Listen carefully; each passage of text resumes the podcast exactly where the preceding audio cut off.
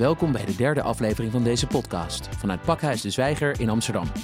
Mijn naam is Maurice Seleki en ik spreek met Kadir van Lohuizen, fotograaf en winnaar van de World Press Photo 2018 op het thema milieu.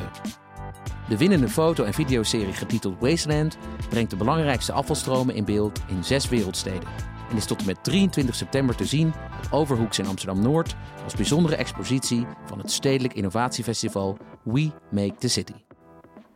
Welkom Kadir. Sinds begin 2016 uh, onderzoek je hoe grote steden omgaan met het afval wat ze produceren. Hoe ben je eigenlijk op dit specifieke thema gekomen? Ja, dit soort uh, projecten worden natuurlijk nooit in een dag geboren. Dus dat, daar ging inderdaad wel wat aan vooraf. De aanleiding, het begon eigenlijk een beetje te, begon ik erover na te denken toen ik over aan een andere serie werkte. Dat ging over de stijgende zeespiegel. En daarvoor kwam ik een aantal keren op uh, vrij verlaten eilanden. In the middle of nowhere, in de Pacific onder andere. En uh, dat, altijd toch plastic er op die stranden lag. En uh, met name op die, op die afgelegen eilanden was dat ook wel duidelijk dat dat plastic niet vandaar was. Dus ja, ik begon eigenlijk na te denken een beetje over, over het afval in de wereld en over de afvalproblematiek en hoeveel ik er zelf eigenlijk van af wist. Ik woon uh, bij de Nieuwmarkt in Amsterdam, uh, dus de vuilniswagen die komt elke maandag en donderdag. En dan zet ik uh, braaf mijn vuilniszakje zet ik, aan de kant van de weg en dan komt de wagen hem ophalen. En ik realiseerde me eigenlijk dat ik zelf helemaal niet zo goed meer wist wat er nou mee gebeurde met die afvalzak. Dus die keten, die probeerde je eigenlijk in beeld ja, te Ja, brengen? en ik 40 jaar geleden of zo was Amsterdam best een visueel vieze stad. Hè. Er lag heel veel troep in de grachten ook. En uh, de grachten waren ook voor een deel nog gewoon uh, een riool. En het is nu best wel aangeharkt. Ik begon me te beseffen dat dit waarschijnlijk eigenlijk toch... dat het schoner was, dat het niet per se betekende dat het probleem opgelost was. Dus toen ben ik eens... Uh, het was eigenlijk letterlijk uit het straatbeeld verdwenen. Ja, ja het probleem, als dat, er, uh, als dat er inderdaad zou zijn, of als dat moest natuurlijk nog blijken, want het was echt wel een visueel onderzoek, was eigenlijk gewoon uh, niet meer zichtbaar. Dus ik ben er toen steeds meer in gaan duiken en er meer over gaan lezen. En uh, toen ontstond het idee om zes wereldsteden te identificeren. En de, de criteria waren dat ik een geografische spreiding zocht, dat ik zocht zowel waar problemen als mogelijke oplossingen waren. En dat ze minimaal 15 miljoen inwoners moesten hebben. Ja, want die Nou ja, steden daar- zijn dus uiteindelijk Jakarta, Tokio, Lagos, New York en Sao Paulo geworden. Ja, en Amsterdam. dat Amsterdam. natuurlijk niet aan het eh, inwonercriterium voldeed van 15 miljoen. Aan de andere kant, nou ja, goed. de- Amsterdam is wel de hoofdstad van een van de dichtstbevolkte landen ter wereld. En, en tegenwoordig wordt natuurlijk ook wordt er steeds meer gepraat over de metropool Randstad. Dus De waarbij, metropoolregio. Ja, waarbij zowel eh, Utrecht, Den Haag en, eh, en Rotterdam horen als Amsterdam. Dus in die zin, nou ja, het is natuurlijk, eh, het was interessant omdat het idee ook hier bij mij ontstond als Amsterdammer. Wat gebeurt er nou eigenlijk om Amsterdam daarbij te betrekken? Bovendien moest ik een Europese sta- stad hebben. Ja, ook voor de fondsen waarschijnlijk. Nee, dat niet speciaal, maar ik zocht echt naar. Dus, dus eh, hè, we- ik heb Noord-Amerika, Zuid-Amerika, Azië zit er twee keer in, Afrika en eh, Europa. Je onderzoekt die afval en in die afvalstromen, dus inderdaad op meerdere continenten en in meerdere steden. Wat zijn de overeenkomsten die je hebt gezien? Of waren het vooral Ehm, verschillen? Nou, de overeenkomst is dat we met z'n allen heel veel afval produceren. Hè, dat klinkt misschien als een open deur. Tegelijkertijd denk ik dat we ons helemaal niet realiseren hoeveel afval we eigenlijk produceren. Ik denk dat we ons dat pas zouden beseffen als de vuilniswagens eh, twee weken zouden staken. Wat dat zou betekenen. Een stad als Lagos of Jakarta ook, weet je wel, daar, daar zie je veel meer afval op straat. Het is veel, eh, veel visueler, veel zichtbaarder nog. Terwijl als je kijkt naar de statistieken, dan produceert een stad als Lagos echt een fractie van eh, bijvoorbeeld een stad als New York. New York staat op nummer 1 als stad eh, wat het meeste afval ter wereld produceert. En New York produceert gemiddeld 15 keer zoveel als een, iemand uit Lagos. Dus dat zijn best wel, eh, ja, best wel schokkende vergelijkingen. Kun je daar ook uit afleiden dat als meerdere mensen de lifestyle zouden hebben van een New Yorker, dat er dan ook meer afval zou ontstaan? Ja, dat denk ik, ja. Kijk, welvaart is gerelateerd tot afvalproductie. Als de welvaart toeneemt, dan wordt er over het algemeen meer afval geproduceerd. We, we leven natuurlijk heel erg in een weggooimaatschappij. Uh, zoals we allemaal weten. Dus ook. Dus die single-use plastics onder andere. Nou ja, de single-use plastics natuurlijk sowieso. De plastic tassen die gebruikt worden. Maar ook bijna alles wat we gebruiken. Of dat nou over je telefoon gaat of iets anders. Als het stuk gaat, dan wordt er toch vaak tegen je gezegd als je naar de winkel gaat van nou ja, je kan beter een nieuwe kopen, want dat is of we kunnen hem niet repareren of dat is veel te duur. Dus dat, dat hele concept dat dingen gerepareerd kunnen worden of dat ze hergebruikt kunnen worden, dat is een beetje uit ons systeem uh, verdwenen. Met name in het, uh, hier in het Westen, in Europa en, uh, en Amerika. De industrie produceert natuurlijk gigantische hoeveelheid. De verpakkingsindustrie produceert heel erg veel. En uh, om nog maar niet te spreken over al het eten wat we weggooien. Dat is natuurlijk inderdaad een gigantisch uh, fenomeen. Je constateert hier een verschil ook uh, in hoe mensen in het Westen er bijvoorbeeld mee omgaan en mensen in andere landen. Kun je daar nog wat meer over vertellen? Hoe gaan mensen in andere landen, in een van die steden die je bezocht hebt, dan met afval om? Meestal hoe afval verwerkt wordt. Het wordt ofwel gaat het naar verbrandingsovens of het gaat naar landfills. Wat een uh, aardig woord is voor een uh, vuilnisbelt. Dus ik kwam op die vuilnisbelt en wat heel erg opviel was Lagos. Gigantische stad in Afrika. Een van de grootste, zo niet de grootste. Afvalbergen die stinken natuurlijk.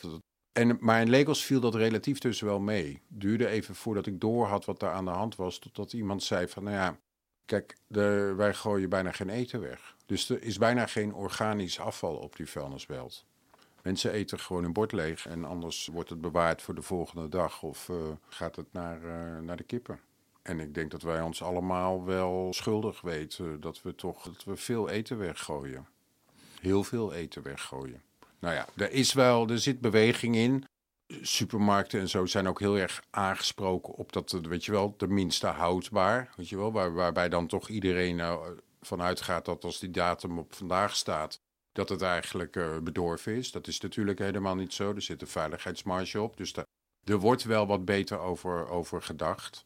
Maar we staan eigenlijk nog pas aan het begin in het Westen. Want die awareness ja, is ook nog kijk, niet bij iedereen doorgedrongen. Kijk, we scheiden. Hè? We scheiden wel. Ik bedoel, uh, ik, ik scheid ook braaf papier en mijn glas. En, en nu ook plastic. Er staan plastic containers in, in Amsterdam. Maar die, staan, die zijn toch vrij sporadisch uh, te vinden in de stad. Dan moet je toch echt wel een paar blokjes om voor fietsen voordat je die, die gevonden hebt. Ja, wat opvallend is, is, ik denk dat Tokio wel het beste voorbeeld was van alle steden waar ze het beste in ieder geval hun afval managen.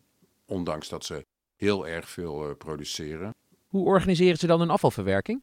Eerst even vooropstellend dat Tokio nou, dat is niet vanuit idealisme geboren, dat is puur vanuit pragmatisme geboren. Tokio is een bijzonder dichtbevolkte stad, 33 miljoen inwoners.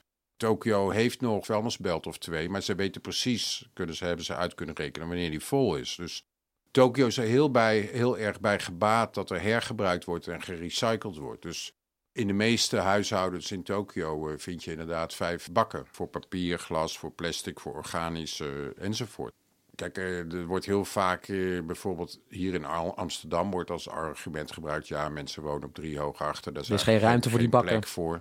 In Tokio wonen ze vaak op de helft van de oppervlakte en daar lukt het wel. Hoe pakken ze dat dan concreet aan? Kijk, het heeft er ook mee te maken. Je kan die bakken zo groot en zo klein maken als je wil. Dus je moet ook je, je ophaal moet je goed, uh, goed organiseren en dat die vaak genoeg langskomt. Dus uh, natuurlijk, als je hele, vijf hele grote bakken in je keukentje moet hebben, dan, uh, dan zou dat een probleem kunnen zijn. Maar als er gewoon frequent wordt, wordt opgehaald en daar zijn gewoon vuilniswagen met verschillende compartimenten, dan lukt dat kennelijk gewoon. Nou ja, uiteindelijk is het natuurlijk, en dat ben ik mezelf ook gaan realiseren, dat als je echt gaat nadenken over wat je weggooit, dat eigenlijk alles, vrijwel alles wat je weggooit, eigenlijk wel opnieuw, op een of andere manier opnieuw te gebruiken of te recyclen is. Er is dus eigenlijk geen echte waste. Nee, ja, nee. Renewy hier in Amsterdam, uh, die rijdt met, uh, met, met hun vuilniswagens. Dus, dus daar staat op afval bestaat niet. Daar is wat voor te zeggen. Dus het, het mooie hiervan is, tussen aanhalingstekens, is dat ik doe vaker wel grotere onderwerpen. En dat ik dan zelf ook denk van ja, wat moet je daar nou als individu nog gaan doen? Zijn we niet al voorbij het punt dat er nog iets kan veranderen? Ik denk met afval, uh, eh, de oplossing is natuurlijk dat we minder afval gaan produceren. En dat we daar beter over nadenken. Heb je het gevoel dat, dat jouw werk daar ook aan bij heeft gedragen? Aan dat, dat bewustzijn, aan die gedragsverandering? Het is altijd een beetje moeilijk te peilen, weet je wel. Het is niet zo dat mijn uh, e-mail volloopt met, uh, met, met uh, e-mails van mensen die zeggen van... ik heb het licht gezien door, door jouw werk. Maar ja, ik mag hopen dat, dat er een kwartje is gevallen bij, bij veel mensen. En, de Washington Post heeft het destijds heel groot gepubliceerd als supplement in wat uitkwam in het weekend van Thanksgiving. Wat ik geloof Amerika's most wasteful weekend is. dus dat vonden mensen op de deurmat bij het ontbijt. Ook de tentoonstelling hier, die op Overhoeks nog staat tot en met zondag, is. Ik ben, was er heel erg blij mee. Want ik, mijn droom was wel een beetje om het buiten tentoonstelling te maken, waardoor ik eigenlijk dat afval, het onzichtbare afval, weer op straat kon zetten. Dus dat, je loopt daar gewoon tegenaan en dan zie je dus opeens die afvalbergen. Die zien we eigenlijk nooit meer. Want die tentoonstelling is ook trouwens in een soort containinstallatie uh, opgesteld, hè? Ja, het is in een container. Dus uh, je hebt grote doeken met beelden buiten. En dan in de containers. De containers zijn eigenlijk een soort kleine bioscoopjes. Dus elke container is een stad. En daar hangen, hangen foto's van de, van de stad. Maar er hangt ook een uh, flatscreen. En daar zie je de, nou ja, de video en de, en de drone footage wat ik gemaakt heb. Dat is nog een ander element van de tentoonstelling, want je bent fotograaf, maar je gebruikt ook multimediale middelen, zoals video. Dus, ja, tegenwoordig is het meer dan uh, alleen fotograferen, ja. Ja, nee, dus ik, uh, ik doe veel video, ik, uh, ik gebruik veelvuldig een drone, als ik denk dat het het kan versterken. Ik gebruik 360, ik gebruik audio en, en ik schrijf. Dus het is, ja, het is niet meer zoals het ooit was, dat ik alleen maar foto's maakte.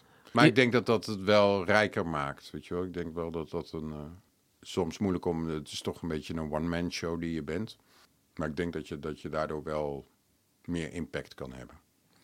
En over impact gesproken. Kijk, we leven in een extreem visueel tijdperk. waarin uh, er miljarden foto's worden gemaakt. door heel veel uh, professionele, maar ook amateurfotografen.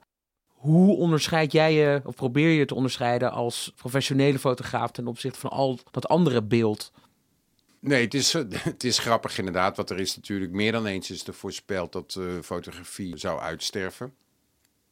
Toen de video, eh, eerst kwam de Super 8 film. Nou, dat zou het einde van de fotografie zijn. Toen kwam de video, dat zou het einde van de fotografie zijn. En, nou ja, dat, dat is dus nooit, dat is uiteindelijk niet, bleek niet waar te zijn. Integendeel, ik bedoel, bijna vrijwel iedereen op deze planeet inmiddels heeft een telefoon in zijn zak die foto's kan maken. Dus in die zin is inderdaad iedereen uh, eigenlijk een fotograaf geworden.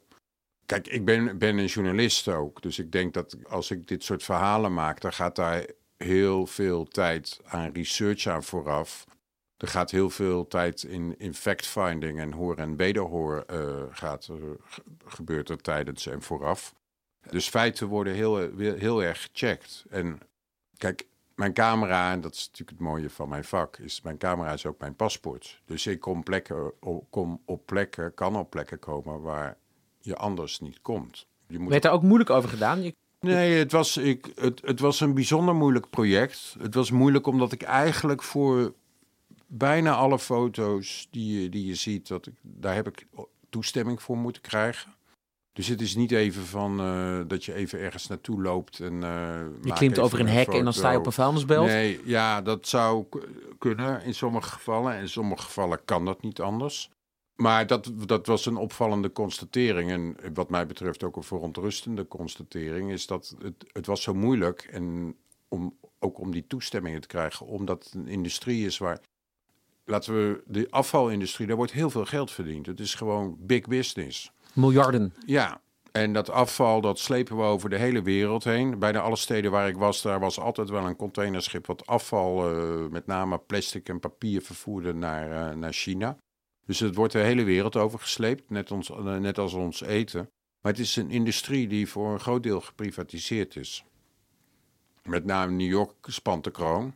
daar, is het, de, daar heeft de gemeente nog wel iets uh, iets te zeggen en onderhoudt nog wel een eigen vuilnisophaaldienst. Maar verder is het eigenlijk helemaal geprivatiseerd. Is dat, uh, in Nederland uh, is dat toch niet zo? Dan zijn nou, er toch wel gemeentediensten, toch? Er, er, er, zijn er gemeentediensten, maar je hebt natuurlijk gewoon heel veel grote bedrijven en de recyclingbedrijven die gewoon private ondernemingen zijn. waar de gemeente misschien dan nog een minderheidsaandeel in heeft.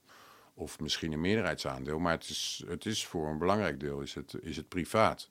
Kan werken, maar het gevaar is natuurlijk dat uh, ons welzijn, uh, dat dat niet per se voorop staat. Dat, dat, Want er zijn gewoon aandeelhoudersbelangen. Nou ja, en er is natuurlijk er is snel geld te verdienen. Dus daar, daar kennen we natuurlijk vele verhalen van. Dat er natuurlijk afval uh, gedumpt wordt in West-Afrika, e-waste, chemisch afval. Waar, waar het allemaal verre van nou genomen wordt. Wat, wat, wat de regels zijn en wat, wat, hoe het eigenlijk zou moeten. Dus de, de controlemechanismes van, het over, van de overheid, die laten soms de wensen over.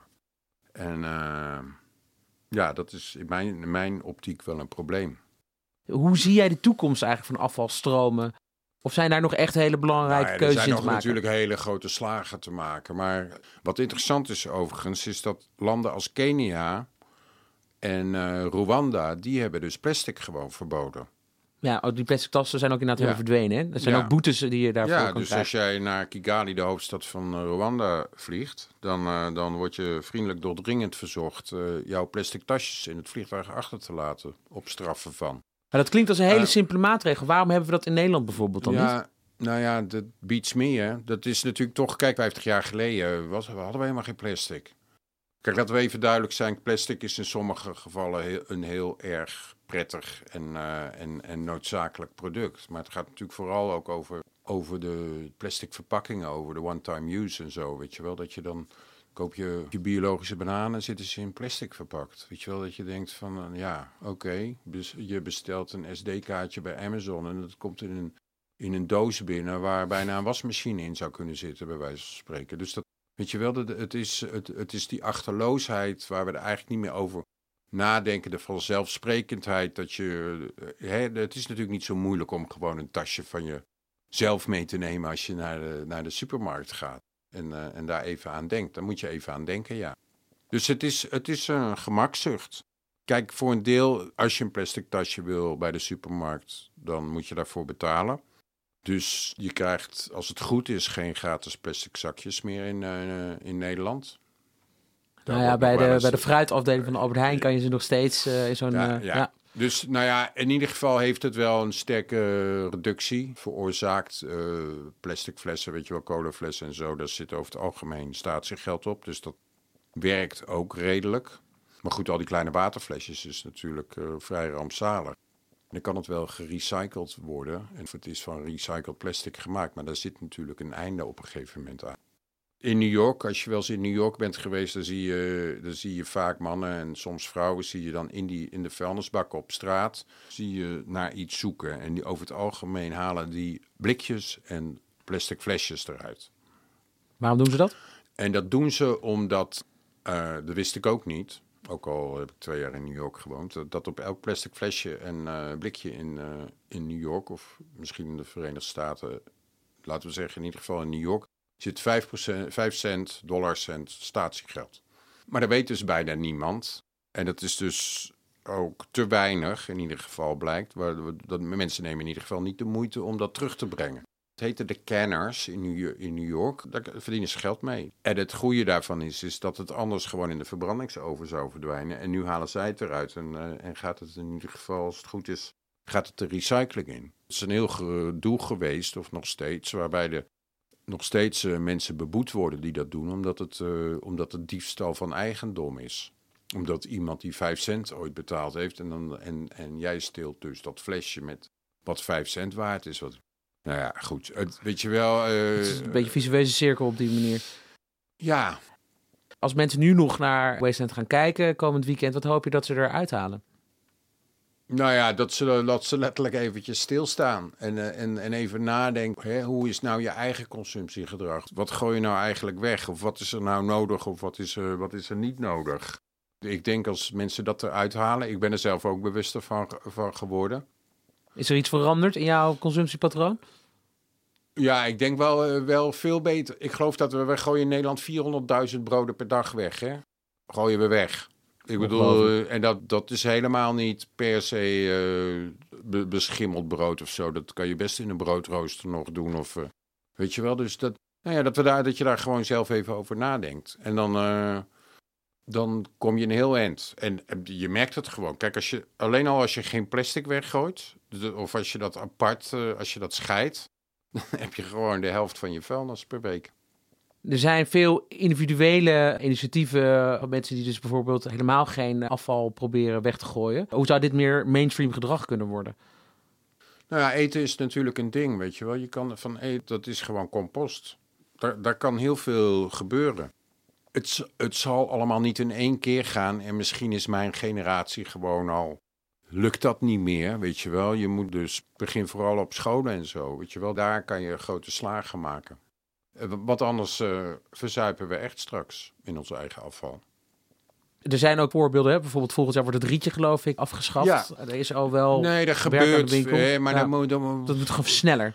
Ja, en, En meer. hoeveel druk moet daar wel niet opgezet worden voordat hè, dat, dat is dan Starbucks bijvoorbeeld die dan eh, eindelijk heeft dat- je denkt van kan je zelf ook opkomen hè weet je wel en dan nog steeds zit daar die, die plastic dekseltjes krijg je erop zodat het niet ja weet je hou nou toch op ik bedoel eh, we kunnen echt wat De expositie is bijna afgelopen in Amsterdam. Wat is het vervolg van het project? Ja, daar zijn we nu druk mee bezig om, om te kijken of we deze tentoonstelling kunnen laten reizen. Het is natuurlijk niet heel makkelijk omdat het nogal omvangrijk is. Eh, het mooie van die containers is, is dat het natuurlijk... Het is een hergebruik van een container natuurlijk.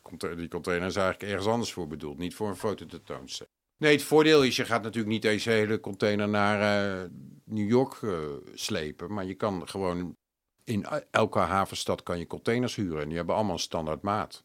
Dus eh, de- in die zin kan het, kan het overal bijna. Maar goed, het heeft natuurlijk altijd, hè, dat was in Amsterdam ook niet 1, 2, 3 geregeld. Je moet wel de toestemming krijgen. En Dus je moet het organisatorisch voor elkaar krijgen. ja, en een stad moet dat willen. Hè. Dan staat toch de vuilnis staat op straat. Die heeft drie maanden op straat gestaan bij Overhoeks. Waren er reacties uit Amsterdam, ook misschien vanuit de stad en vanuit mensen van de gemeente bijvoorbeeld, of van eh, mensen uit de afvalindustrie op eh, deze tentoonstelling?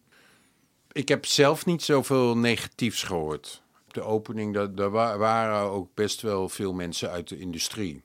En, eh, en van de gemeente. Dus ik denk wel dat er, dat er een wil is om, om dit anders te doen en om, om dit beter te maken. Ja, en het mooie van zo'n tentoonstelling buiten is dat... eh, er hebben heel veel mensen hebben hem gezien die helemaal niet van plan waren om deze tentoonstelling te bezoeken. En, en het stond ook trouwens heel groot en trouw, eh, met eh, 14 pagina's geloof ik. Hè? Wat, eh, Ja, dat Trouw natuurlijk- het, eh, ja, op de opening eh, kwam er een bijlage van Trouw uit. Dat was, was super. Heeft het winnen van de World Press Photo nog impact gehad voor het project? Nou ja, is ook zoiets wat moeilijk te meten is, weet je wel. Dus het kan zijn dat mensen het, het gezien... En het mooie van de World Press is natuurlijk dat die tentoonstelling... waar dan die serie in zit... die reist naar meer dan 50 landen. Dat is misschien wel het mooiste van die prijs winnen... is dat het gewoon... Een internationaal platform. Nou ja, en het komt gewoon... eh, ik weet niet of hij naar, nog naar Mongolië gaat... maar weet je wel, hij komt op plek waar mensen deze serie anders echt niet gezien hadden. Dus dat is een eh, meer dan mooie bij, bijkomstigheid van, eh, van die prijs. Jij gaat ondertussen gewoon door met nieuwe projecten. Ik hoorde bijvoorbeeld dat je bezig bent met een televisieserie, of een mogelijke televisieserie met uh, Twan Huis. Kun je daar al wat meer over vertellen? Ja, nou, Twan is inmiddels wat anders gaan doen.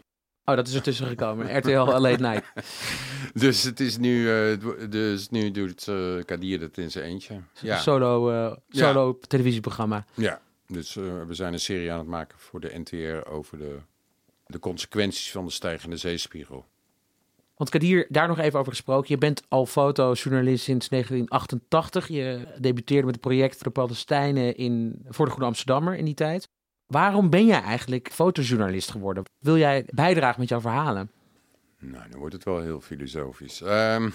Ja, want ergens schuilt er een wereldverbeteraar in jou. Want als je kijkt naar je thema's, dat is, Kijk, het, het, dat is een verhaal wat het, je vertelt. Ik wilde ooit fotograaf worden toen ik 16 was. Maar dat kwam vooral omdat ik geïntegreerd was door letterlijk de chemie van de fotografie. Weet je wel, dus ik was, was natuurlijk nog niks digitaal toen. Dus toen, uh, ik had een donkere kamer bij mijn ouders in de, in de kast getimmerd. En, in Utrecht? Uh, ja, ik had geen idee wat ik met fotografie wilde. Ik heb me toen wel aangemeld bij de fotoacademie in Den Haag destijds. Maar daar werd ik uh, op alle fronten grandioos afgewezen. Zowel op kwaliteit als op motivatie. Dus dat was een hele scherpe beoordeling. Dat van, was een uh... vrij scherpe beoordeling. Daar was ik ook heel boos over. En toen heb ik ook altijd geen camera aangeraakt. Toen, nou, maar ik had wel zoiets van, ik, ik heb jullie niet nodig. Nou ja, een beetje... In ieder geval is dat waarschijnlijk een blessing in disguise geweest. Omdat ik toen eigenlijk pas langzaam bedacht wat, wat fotografie wel voor mij zou kunnen zijn. En dat die camera natuurlijk een heel machtig wapen is om, om dit soort dingen te laten zien. Om misstanden te laten zien. Of dat, gewoon om, hè,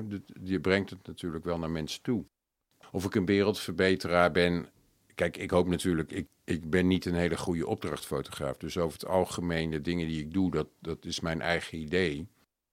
Omdat ik heilig geloof dat daar, dat, dat daar iets over te melden is. En dat we daar beter over na moeten denken. Dus het blijft daar, daarin nog steeds een fantastisch medium natuurlijk. Nou, heel veel succes. We hebben je gezien en blijven naar je kijken. Dankjewel, Kadir van Lohuizen. Graag gedaan. Beste luisteraars, dit was de derde aflevering van de podcastserie van Pakhuis de Zwijger. Wie graag Wasteland van Kadir van Lohuizen wil bekijken, kan dit nog doen tot en met 23 september in een installatie van zeecontainers op Overhoeks in Amsterdam-Noord.